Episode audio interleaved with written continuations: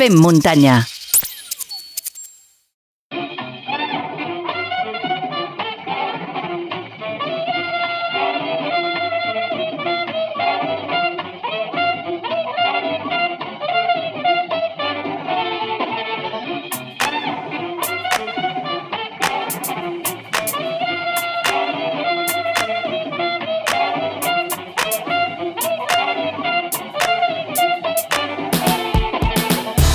Retirar l'any 2019 després de 15 anys competint a l'èlit. Va arribar a fer un top 10 als Jocs Olímpics d'hivern del 2014 en la modalitat de 30 quilòmetres d'esquí de fons a Sochi. Eh, fa unes setmanes que l'Albert Torrent doncs, han tret eh, el seu nom en els capítols d'actualitat perquè està aconseguint bons resultats, com una segona posició als 21 quilòmetres de la Trail Cell Andorra by UTMB i ha guanyat uns quants quilòmetres verticals a casa nostra. Ens estem referint la corredora pentacampiona del món de quilòmetre vertical i campiona de la Copa del Món de Skyrunning. Laura Urguer, benvinguda a Fer Muntanya.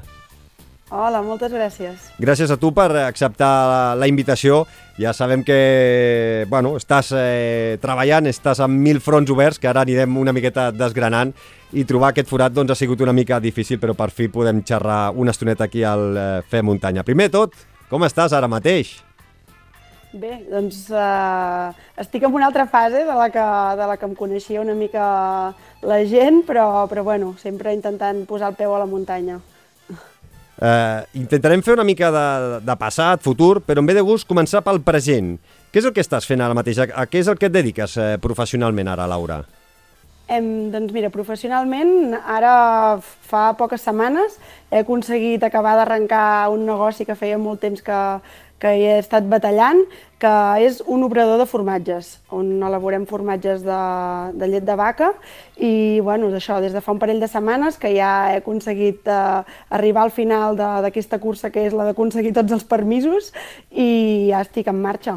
I d'on et ve això de, de, de fer formatges? Eh, no sé si et ve de família o, o, o és un interès personal teu?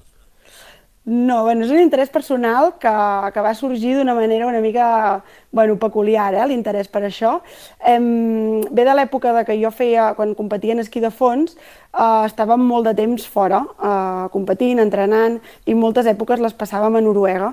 I a Noruega tenen un formatge una mica característic, que és un formatge que és marró i tot i jo no tenia ni idea de com es feien els formatges en general, vaig pensar, ostres, aquest formatge marró, d'on surt això, no? Com és que és, que és marró, com és que és dolç, i bueno, una mica vaig començar a investigar i vaig passar del formatge marró a la resta de formatges a veure com es feien i, i a partir d'aquí, doncs primer una mica autodidacta i després fent cursos, eh, doncs em vaig anar interessant per aquest món. Vaig fer una estada als Alps fent pràctiques en una formatgeria i després, mm, un cop retirada de la competició, eh, treballava els mesos d'hivern amb la Federació Andorrana d'Esquí de Fons i els mesos d'estiu i primavera una mica doncs estava en una formatgeria a la Seu d'Urgell, on m'he anat formant i, i va arribar un punt que, que vaig decidir doncs, obrir el, la meva, el meu propi obrador de formatges aquí a Andorra. Andorra, és, clar, tu ets, eh, clar, és el que t'anava a preguntar. Tu ets eh, d'Igualada i vius a Andorra actualment. Sí, exacte. El que passa que Uh, no sé si la gent es pensa que visc a Andorra com tots els, els esportistes i youtubers famosos i en el meu cas és una mica diferent perquè no, no, no sóc d'aquest perfil sinó que estic aquí perquè el meu company és, és andorrà i aleshores pues, ens hem muntat una mica la vida aquí ara mateix. Home, aquí deus tenir, bueno, a tu que t'agrada la muntanya mm, deu ser un luxe, eh? Sortir de casa, muntanya amunt, muntanya avall, eh, certa tranquil·litat en algunes èpoques de, de l'any i no sé si també és una bona zona pel, per, pels formatges, perquè a vegades vas pels supermercats i trobes uns formatges que són bastant horrorosos, però per sort eh, deus, eh, faràs un formatge allò collonut, eh? Sí, bueno, jo, aquesta aquí a Andorra eh, per mi és un, és un avantatge en molts sentits. Primer per això, perquè sempre estiguis on estiguis, ni que estiguis al lloc més comercial d'Andorra, jo crec que en 3 minuts et plantes en un camí que no hi ha ningú i pots pujar pues, al desnivell que vulguis i començar a córrer muntanyes. És com que està molt propera a la ciutat, entre cometes, que pugui ser Andorra, i, i la muntanya, els camins i les parts solitàries i, i molt xules que hi ha per aquí.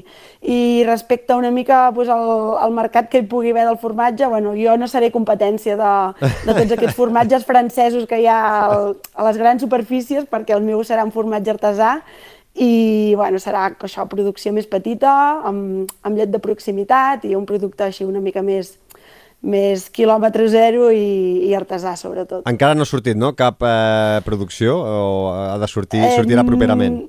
Sortirà properament, perquè això, tinc, he pogut començar a elaborar fa dues setmanes i llavors, clar, estan, els formatges estan a la càmera madurant i o sigui que falta, ens hem d'esperar un mes, més o menys. Estarem sí, atents. a finals d'agost. Estarem, estarem atents de poder-los eh, tastar. Laura, suposo que no has deixat mai de fer esport en aquests eh, quatre anys des que et vas retirar, no?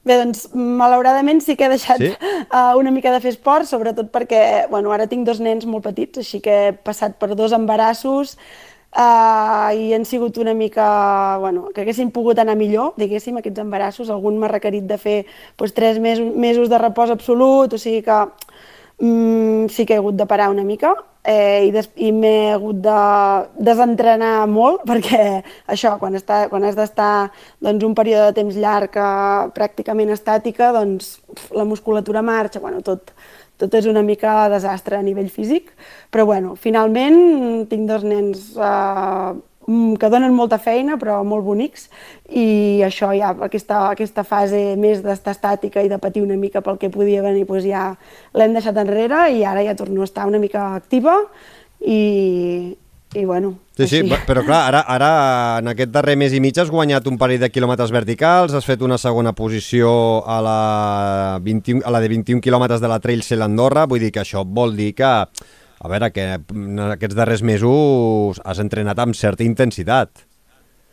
Bueno, des de, des de que, que he pogut, diguéssim, des de que va néixer el meu segon fill, eh, vaig passar pues, el període aquest que, que t'has d'anar recuperant una mica i després pues, a la que he pogut està clar que jo necessito moure'm, així que, que pues, he començat, ja no diria entrenar, sinó que vaig començar a anar a fer esport sempre que podia i així, i de fet és que de fet, entrenar, entrenar, per mi entrenar és preparar-se per un objectiu i això ara mateix no ho faig, sinó que sempre que puc pues, surto i, i vaig a córrer o vaig en bicicleta o faig, faig algun tipus d'esport i bueno, està clar que a mi m'agraden els dorsals i llavors, bueno, tinc la sort que vivint aquí a Andorra tenim doncs, moltes curses per aquí que no requereixen de gens de desplaçament i logísticament a nivell familiar em va bastant, bastant quadrat i bueno, amb alguna cursa m'he apuntat i, i no em puc queixar gens, a veure, no estic al nivell que estava ni de bon tros, però, però bueno, crec que estic a un nivell correcte. Sí, el, co sí, el, coste, el, el coste de memòria i a més a més, clar, és que són 15, que són 15 anys a l'èlit eh, amb resultats espectaculars que em sembla que hi ha poques dones que, que et puguin fer ombra en la teva especialitat. És a dir, eh, el cos després de 15 anys eh, fotent-li tralla, tot i descansar 3 o 4 anys mm, de forma obligada o de forma que hagis baixat la intensitat a la que t'hi vas posant, no? O, no, no, no crec que et costi massa trobar bones sensacions. Bueno, a veure, tampoc ha sigut immediat, eh? La veritat és que els primers dies que sortia tornava contenta perquè està clar que fer esport et provoca sí. pues, uh, sensacions positives, però a la vegada pensava, buf, és que no et mous de lloc, eh? Però bueno, mica en mica pues, anava millorant i, i llavors, clar, això també t'acaba motivant. I, i bé, uh, per les curses, doncs, bueno, el dia que m'apuntava a la cursa, si quedaven 10 dies per la cursa, doncs pensava, bueno, va, fem una apuesta a punto per, per això, a veure què. Llavors intentava fer potser un parell de dies de sèries i desembussar una mica les tuberies. Està clar que tinc l'avantatge de que a nivell físic i perquè aquest tipus d'esport, que és el quilòmetre vertical, que ho tinc molt conegut, doncs em conec bastant bé i sé doncs, trobar la manera d'optimitzar-me amb el, amb els últims dies aquests que queden per posar-me a punt per la cursa. Eh, Laura... Mm, l'altra cosa també és que ho gaudeixo, saps? Gaudeixo d'això, de, de fer-ho una mica improvisat i, i de no obsessionar-me per res i fer-ho si només si quadra, si els nens no tenen febre i si, si és possible, llavors tot, tot va bé. La vida familiar, eh, quadrar la logística sí. familiar, que em sembla que a molts dels nostres oients i, i a un servidor, doncs, eh, sabem de, de què parlem, inclús a vegades estàs apuntat en alguna cursa, estàs amb el dorsal posat a falta de 10-15 minuts per el tret de sortida i has d'avortar, tornar cap a casa ràpid perquè alguna nena s'ha posat malalta o ha agafat febre i has de portar-la d'urgències. Vull dir que també ens ha passat. Uh, Laura, ets llicencia, llicenciada en dret, no? Uh, no sé si algú t'ha demanat ajuda, jo que sé, per exemple, a la Pro Trail Association, uh, perquè, clar, uh, ten, si, si, si, si t'han demanat ajuda o no, tindries coses a, a poder aportar. Um, bueno, sí, és veritat que això de que he estudiat dret està en el meu currículum, però, no... però bueno, hi va haver un període de la meva vida que vaig intentar provar de, de treballar una mica d'això i vaig veure clarament que no era el que el que m'agradava i està molt, molt abandonat tot plegat. Els coneixements hi deuen ser allà dintre d'un calaix, però ara mateix no, no surten a passejar per res.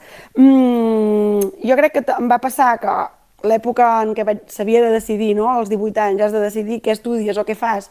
Clar, jo va ser quan em vaig començar a introduir així de manera més seriosa amb, amb l'esquí de fons, amb l'entrenament, vaig estar entrar a, la, a formar part de la federació, com vaig començar a fer competicions internacionals i jo realment estava enfocada a això. I les, els estudis van ser algo secundari. Mm, llavors, bueno, paral·lelament a la meva carrera esportiva amb l'esquí de fons, sí que vaig anar estudiant, m'emportava tots xarros de llibres al, al, als viatges i a les concentracions i anava fent els exàmens quan podia. Mm, m'anava bé per, per mantenir-me ocupada, per mantenir alguna cosa més, saber que en el cas de que el futur ho necessités tenia allò que, que, que podia viure d'això que havia estudiat, però, però bueno, al final no, no ha anat per aquí el meu camí. Mm -hmm. No, no. I ningú, evidentment ningú t'ha trucat de la No, això, no m'ha contactat ningú, no, no. Doncs ja, estima, no. eixo perden. Uh, bueno, si et truquen uh, podràs aportar el formatge quan facin re reunions. uh, per, Laura, per exemple. Per exemple. Quines coses han canviat a la teva vida? De, suposo que moltes, però les que més t'han canviat, de, de ser esportista d'èlit a ser esportista doncs, uh, com la majoria dels que escolten el, el Fem Muntanya? Mm, bueno, per mi va ser un punt d'inflexió important. De fet, quan vaig decidir retirar-me de la competició, doncs, quan estava a l'alt nivell, mmm, no, vaig, no pensava si, si, si, si tornaria a incorporar-me doncs, a fer competicions o no. Bueno, tenia en ment altres coses, no? doncs, formar una família i també canviar una mica de, de ritme de vida i dedicar-me a una altra cosa també ho necessitava, crec. Um, això va passar, doncs, després un cop va, va néixer el meu segon fill, doncs, vaig anar començant a anar a córrer, posar-me una mica en forma i bueno, vaig veure que em tornava a picar doncs, la curiositat de, de posar-me al dorsal, tot i que abans d'apuntar-me en una cursa m'ho vaig pensar una mica, perquè tenia com una mica de por de com jo em prendria de, de no rendir com ho feia abans, no? Uh, tant sigui per la meva exigència personal com pels possibles comentaris o, o que poguessin fer els altres, no? De dir, ostres, mira la Laura, que ara no es mou de lloc. Bueno, suposo que no ho dirien així, ho dirien més finament, però bueno, vindria a ser aquest el concepte, no? I, bueno, vaig tenir, al final vaig dir, bueno, fes un cop de cap i, a veure, no passa res, tu en tens ganes, doncs per què t'has de quedar a casa? I, bueno, va ser, això va ser la tardor passada que em vaig apuntar en una cursa d'aquí, també d'aquí al costat de casa, poc coneguda, i, bueno, Mm, vaig veure i vaig estar supercontenta que tot i no trobar-me superbé de sensacions, doncs eh, m'era una mica igual, jo m'ho havia passat bé i quan vaig arribar a la meta hi havia els meus fills i vam anar després al parc i tot, està, tot va estar bé, saps? I que no, no em vaig obsessionar amb que el meu rendiment no era com m'esperava, però que m'ho havia passat bé i vaig veure que, que em semblava bé competir amb aquest esperit, no ara, de, de que si era possible pues, apuntar-me a les curses. Uh, M'agrada molt pues, aquest tipus d'esforç i, i la satisfacció que et provoca després haver haver-te esforçat i haver aconseguit pues, arribar a la meta o, o haver fet la lluita amb els altres, etc etc. i que ja està, que ara la meva vida esportiva era, era diferent. Mm -hmm. mm, ho vaig, vaig veure que, que, que no m'importava que fos així, sinó que, que ho acceptava bé. Doncs, eh, escolta, tenim una miqueta més enrere. Va, eh, et vas retirar l'any 2019, després de 15 anys a l'alta competició, sent campiona en esquí de fons i campiona en curses per muntanya. Eh, a més a més, ja anaves augmentant una mica la distància, vas arribar a fer la marató de Cegama amb eh, podi, Eh, per què vas decidir penjar els esquís i les sabatilles amb només 33 anys? Eh, estaves, eh, és a dir, estat 15 anys a l'èlit, et va cremar, l'accident que vas tenir en bicicleta l'any 2018 mentre entrenaves doncs, va tenir alguna cosa a veure?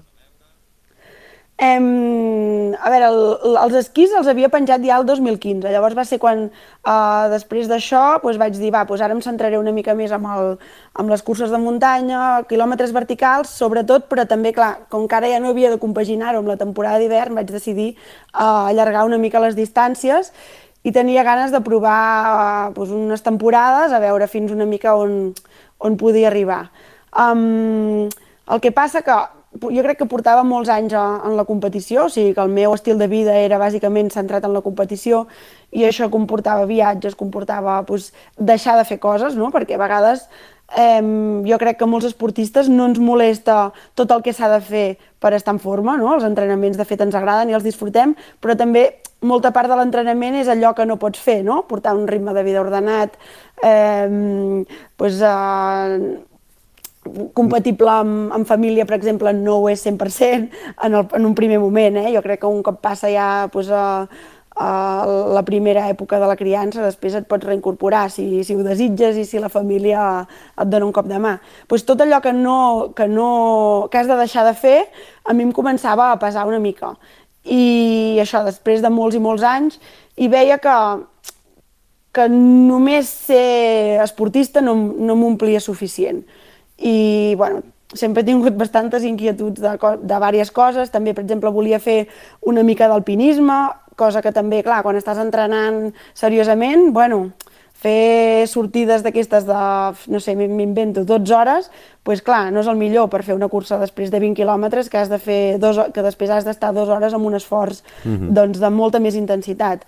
Pues em, em començava a comportar una mica de renúncies que, que, bueno, que vaig decidir que, que ja no em compensaven i que tenia ganes d'aprofitar doncs, la meva joventut i fer altres coses i, i bueno, una mica va ser així. Després també hi va haver el tema de les lesions, que a banda d'aquest incident que vaig tenir amb la bicicleta, on em vaig trencar la clavícula, també vaig tenir una fractura de peroné uns anys anteriors, després bueno, altres problemes de virus i coses vàries que, no sé, era com que jo notava que, que el cos m'estava donant unes senyals de que de que ja estava, no? que necessitava una mica de freno en quant a esforços físics i, i uns canvis. I, i bueno, mm. veia que tant a nivell mental com a nivell físic era cap on havia de tirar.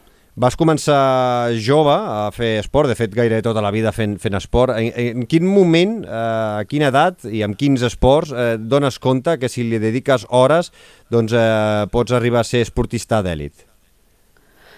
En realitat mai, mai ho he vist així eh, no sé, també com, com per exemple participar en uns Jocs Olímpics, eh, no és que fos com el meu objectiu final, no sé, jo sempre he, he sigut més d'objectius propers i petits, saps? No, no pues, participar a un campionat d'Espanya per primer cop i pensar que vull anar a les Olimpiades, sinó participar a un campionat d'Espanya per primer cop i pensar que, pues, que vull estar a prop del podi.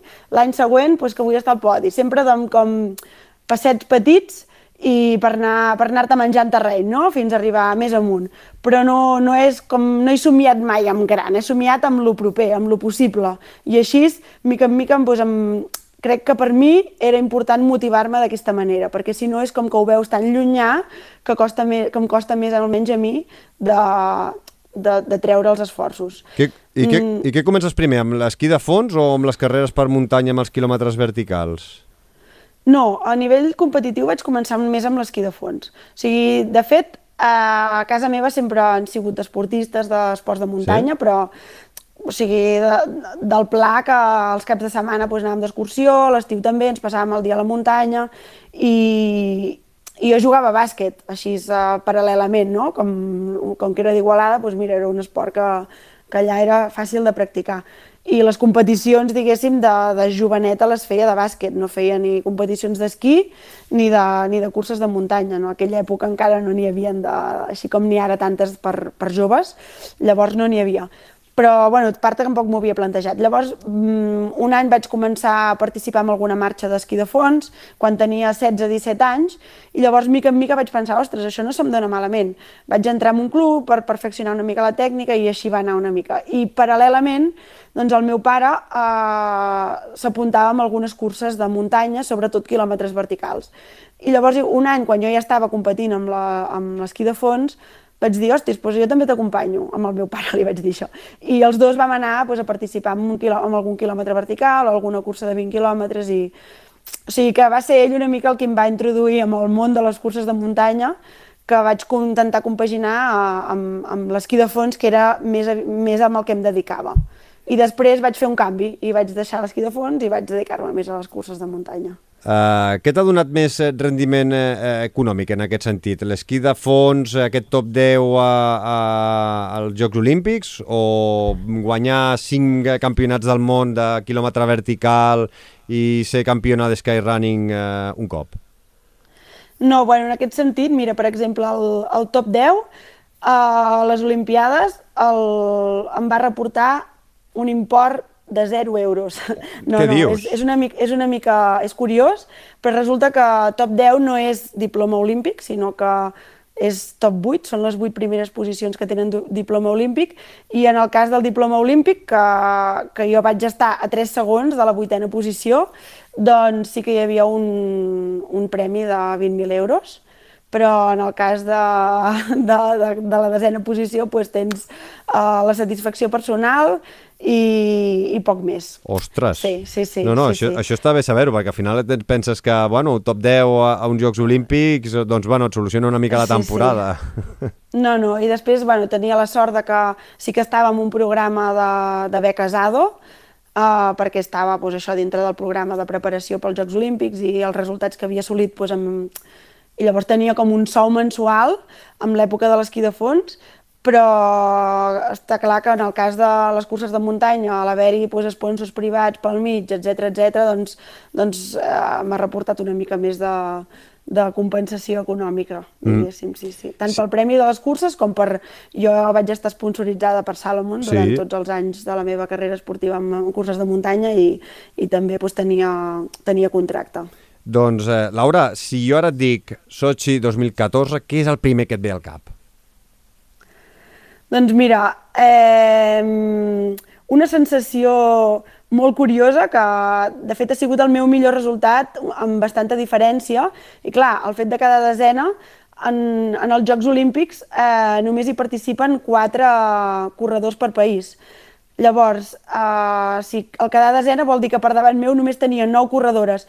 Això vol dir que eh, normalment davant meu sempre hi quedaven les noruegues, les sueques, les finlandeses, i clar, no surten els números, no? Només he dit tres països, si multiplico quatre corredores per tres països ja serien 12. Això vol dir que hi havia moltes, eh, algunes noruegues, algunes sueques, algunes finlandeses, corredores de països de tradició d'esquí de fons que estaven darrere meu. I recordo molt, quan estava a l'última pujada, abans d'arribar a meta, doncs tots els tècnics eh, suecs, noruecs, russos, doncs que normalment eh, quan, pas, quan passava jo, doncs les seves corredores ja havien passat i ja perdi, havien perdut l'interès, doncs veure'm passar i, i estar cridant i donant indicacions a corredores que estaven juntes amb mi o, o fins i tot més endarrere. I això va ser com una cosa xocant de dir, ostres, estic aconseguint una cosa bastant eh, que fins ara no havia passat, no? Una, estic en una situació diferent. I, i, i aquesta situació que, bueno, potser sembla una, una, una xorrada des de fora, per mi va ser, ostres, mm, avui m'estan considerant una corredora com les seves. I fins ara em consideraven l'espanyola aquella que, bueno, ho fa bé, però, però bueno, no ens fa ombra. Doncs pues mira, uh, vas passar per davant d'algunes. Uh, per fer aquest eh, top 10, quants mesos i quants sacrificis recordes que vas haver de fer per poder estar allà dalt? Mm, bueno, així, amb... clar, nosaltres plantejàvem les, les, uh, les temporades, clar, les temporades aquí de fons és una temporada relativament llarga perquè començava al novembre i fins al març i hi havia competicions mm, pràcticament cada cap de setmana. Llavors, això comportava que el període de preparació també havia de ser bastant llarg per tenir com molta, molta base de, per, per, per poder suportar pues, intensitats altes molt sovint. I les temporades sempre les plantejàvem similars. Començàvem a entrenar al mes de maig, les competicions eh, començaven al novembre, s'acabaven al març, al mes d'abril doncs, encara aprofitàvem la neu per, per entrenar, tot i que no hi havia competicions, i doncs, fèiem un peron de tres setmanes, o sigui que al final jo he estat uns 10-12 anys de la meva vida fent aquest patró d'entrenament. O sigui, que no és que em preparés per les Olimpiades, sinó que jo em preparava per, la, per les temporades de fons i el patró era bastant similar. Déu-n'hi-do, déu nhi déu eh, què, què et quedes, amb aquest top 10 de, de Sochi o amb els 5 campionats de quilòmetre vertical? Bueno, aquesta és una pregunta que em, que em sap una no, mica no de greu fet, respondre no, com la respondré. No, sí que me l'han fet. I, i, que sí, no sí. I que no t'han fet mai, segur. sí, o, sí, o jo mateixa m'ho he plantejat una mica i per mi el top 10 de Sochi és, bueno, és el resultat que més valoro, jo crec, perquè um, jo crec que amb les curses de muntanya la meva constitució física i la meva potser predisposició genètica acompanyen bastant. Doncs tinc una constitució més, més aviat prima, mm, jo crec que doncs, a nivell doncs, de V2 Max doncs, tinc la sort de que genèticament estic eh, més o menys amb uns bons valors i després a sobre hi ha l'entrenament, no? Però en canvi amb l'esquí de fons, l'esquí de fons és un esport que sí que és de resistència, però també és molt de potència, que necessites, doncs, un, hi ha requeriments alts musculars i pues, la meva constitució pues, no és 100% adaptada a aquests esforços i mm, he hagut d'entrenar-ho molt. I llavors, a mi em satisfà més aquest resultat de Sochi perquè sé que m'he hagut d'esforçar molt més per aconseguir-ho que no pas pues, els, els resultats amb, amb les curses de muntanya. Molt interessant. Uh, escolta, i en aquests darrers eh, 15 anys, eh, en algun moment has pogut viure única i exclusivament de, de l'esport i no fer res més que dedicar-te a l'esport? Sí, he tingut la sort de que doncs, uh, pràcticament els, els últims anys amb esquí de fons, o sigui, jo crec que des del 2010 fins que em vaig retirar, amb les curses de muntanya he pogut, he, de fet he viscut uh, íntegrament de l'esport. Ara, mm, he viscut, no he sigut, no sóc una persona rica ni podré viure tota la vida d'això, sinó que, bueno, podia, doncs em, em podia guanyar un sou, per dir-ho d'una manera. Mm -hmm. Doncs això és interessant, que a vegades eh, ens pensem que, no, que, bueno, que viviu en mansions i, i, i, i lluny d'això. Uh, com, com tu feies per doblar temporades i rendir tal com, com ho feies? Eh, perquè amb el Marc Pinsac alguna vegada n'hem parlat aquí al Fem Muntanya i al final ha hagut de deixar l'esquí de fons i dedicar-se més a, a, a córrer perquè ja va veure que, no, que doblar temporades el desgast físic és, és, és molt heavy. Tu, clar, tu durant uns quants anys ho vas poder fer. Eh, quina creus sí, que és la, sí. la clau d'aquest èxit, de poder rendir bé eh, tant esquí de fons eh, com eh, en, en curses per muntanya? Em, en, en el meu cas, amb les temporades que vaig doblar 100%, um, és molt clar, el, durant el període d'estiu vaig, em dedicava bàsicament a quilòmetres verticals, que són curses que no, que no et deixen uh, moltes conseqüències a nivell muscular. Al final és un esforç curt i el dia següent no tens ni agulletes, no? per dir-ho d'alguna manera, perquè no has fet la baixada. Llavors em vaig centrar bàsicament a l'estiu en fer quilòmetres verticals i després, per mi, l'altre punt clau era que en realitat preparar-me, preparar-me, jo em, em preparava per una temporada. O sigui, en els, els mesos d'estiu el meu entrenament estava enfocat en arribar bé a l'hivern. Sí que és mm. veritat que en setmanes de, que tenia alguna, alguna competició doncs intentava descansar una mica el dia abans, però fins i tot a vegades no, però o sigui que no intentava uh, entrenar per les curses de muntanya i després entrenar per, per l'hivern, sinó l'entrenament global era per l'hivern i després pues, posava curses puntuals a l'estiu. Mm -hmm. Mm, eh, en quant a curses per muntanya, la, la teva distància més llarga que ha sigut? La Marató de Cegama l'any 2019? Sí, de fet va ser la, la Marató Pirineu, que eren 45 quilòmetres, tot mm. i dir-se marató, però bueno, sí, la distància era, va ser això, 42-45. Uh -huh. Sí, sí. I, i, i, i quan competies no t'havia cridat mai la, el coquet de provar una miqueta doncs, la llarga distància, provar 60, 70, 100 quilòmetres? Eh, T'havia cridat alguna vegada a fer curses de, de 12-15 hores? Mm, la veritat és que sempre, sempre li he tingut molt de respecte amb, amb estar tantes hores corrent i, i per no dir una mica de por, la veritat. Um, I també crec que a mi m'agrada bastant o sigui que no m'havia cridat molt, perquè això li tenia com molt respecte, i també crec que a mi m'agrada la competició més aviat curta. M'agraden els esforços curts, que puguis estar com molt concentrada amb el que estàs fent en aquell moment, intensitat alta, i no sé, fins ara el que penso és, no sé mai, eh, o cap a on em portarà la vida, i no descarto pues, en alguna ocasió, mmm, bastant més endavant, però en alguna ocasió fer una distància llarga. Però a mi el que m'agrada de la competició són intensitats altes i una mica més de, de ritmes alts i quan és estar moltes hores a la muntanya pues, fer-ho més en plan lúdic i, i així, no I, tant i... competició. També em fa molta por això de, el problema que té molta gent que és uh, intentar ingerir menjar, um, com ho gestiones, tot això. Uf, això, la veritat és que em fa una mica de mandra i crec que em, em, em costaria bastant. Clar, això ja em costa una... dues hores menjar, imagina't. En, en, el, en el tema de la nutrició, en aquest cas, tampoc t'has des, de, hagut d'esforçar molt o entrenar molt el, les, el teu estómac en competició perquè un quilòmetre vertical gairebé no ingereixes res eh, Uh, I amb les curses de 20 quilòmetres, gaire... bueno, intentes menjar alguna però si no menges, bueno, ja arribes, saps? No... Amb, amb un bidonet, amb una mica de, de, de, de, de sucre, no? una mica d'hidrats, eh, gairebé vosaltres que, que ho feu ràpid, doncs eh, gairebé arribeu, amb el risc d'una eh, deshidratació o una pàjara, sí, bueno, no? Però... Amb, amb les curses de, això, de, de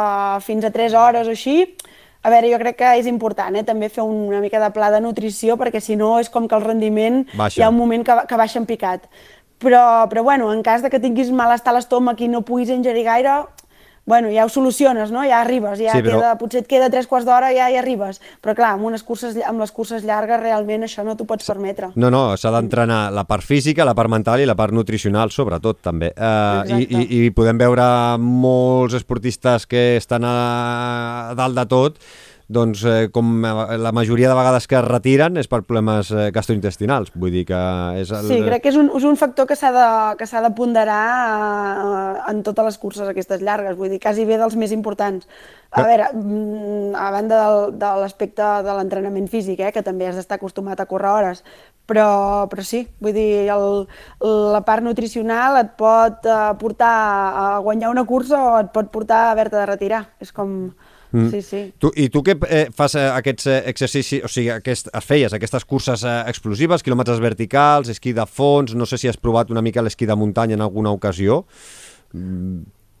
Sí, sí, però també vaig, vaig fer una temporada. D'esquí de muntanya. Una mica de tot. Vaig fer una temporada d'esquí de muntanya. Tu, tu, sí, veu, sí. tu com veus que, per exemple, un esportista, ara potser dic el top, eh? Kilian Jornet guanyi campionats del món en quilòmetre vertical i també guanyi curses de 100 milles com la UTMB? És a dir, eh, físicament, eh, crec que Kilian Jornet és l'única persona que ha sigut campió del món eh, amb quilòmetre vertical i, i amb, amb curses de 100 milles. Uh, sí, jo ho, veig, jo ho veig complicadíssim i crec que el Kilian vull dir, és únic, és únic en molts aspectes, però amb aquest també. Mm, crec que no, no, no és bo ni saludable agafar-lo com a referent no, perquè, no. perquè no s'aconseguirà, saps? És, per mi és, és complica, és, ho trobo complicadíssim poder estar, pues, estar ràpid com per fer un quilòmetre vertical o inclús 10.000 que ha fet ell o sí, sí i després eh, estar corrent 15 hores i també ser el més, el més ràpid amb aquests altres ritmes. Mm, crec que no... Vull dir, està a un altre, està a un altre nivell, sí, el sí. Kilian. Eh, sí, sí. Laura, eh, vaig acabant. Tu sempre has sigut una esportista discreta, no t'ha agradat exposar-te gaire, eh, has, eh, introvertida, com a mínim, a, a, a, no és de les persones que més eh, doncs, a les xarxes socials estàs més activa, però vull dir, com, com ho portes això, que doncs, eh, el tema Instagram, el tema de, de les xarxes, eh, les, les fas servir, les feies servir molt? Sí, a veure, mm, bueno, com dius tu, no, no apareixia moltíssim a les xarxes socials, tot i que per mi la meva sensació és que hi apareixia molt perquè era una cosa que em costava una mica i també per exigències una mica pues, de contracte pues, tenia com aquesta, entre cometes, obligació de, de comunicar una mica.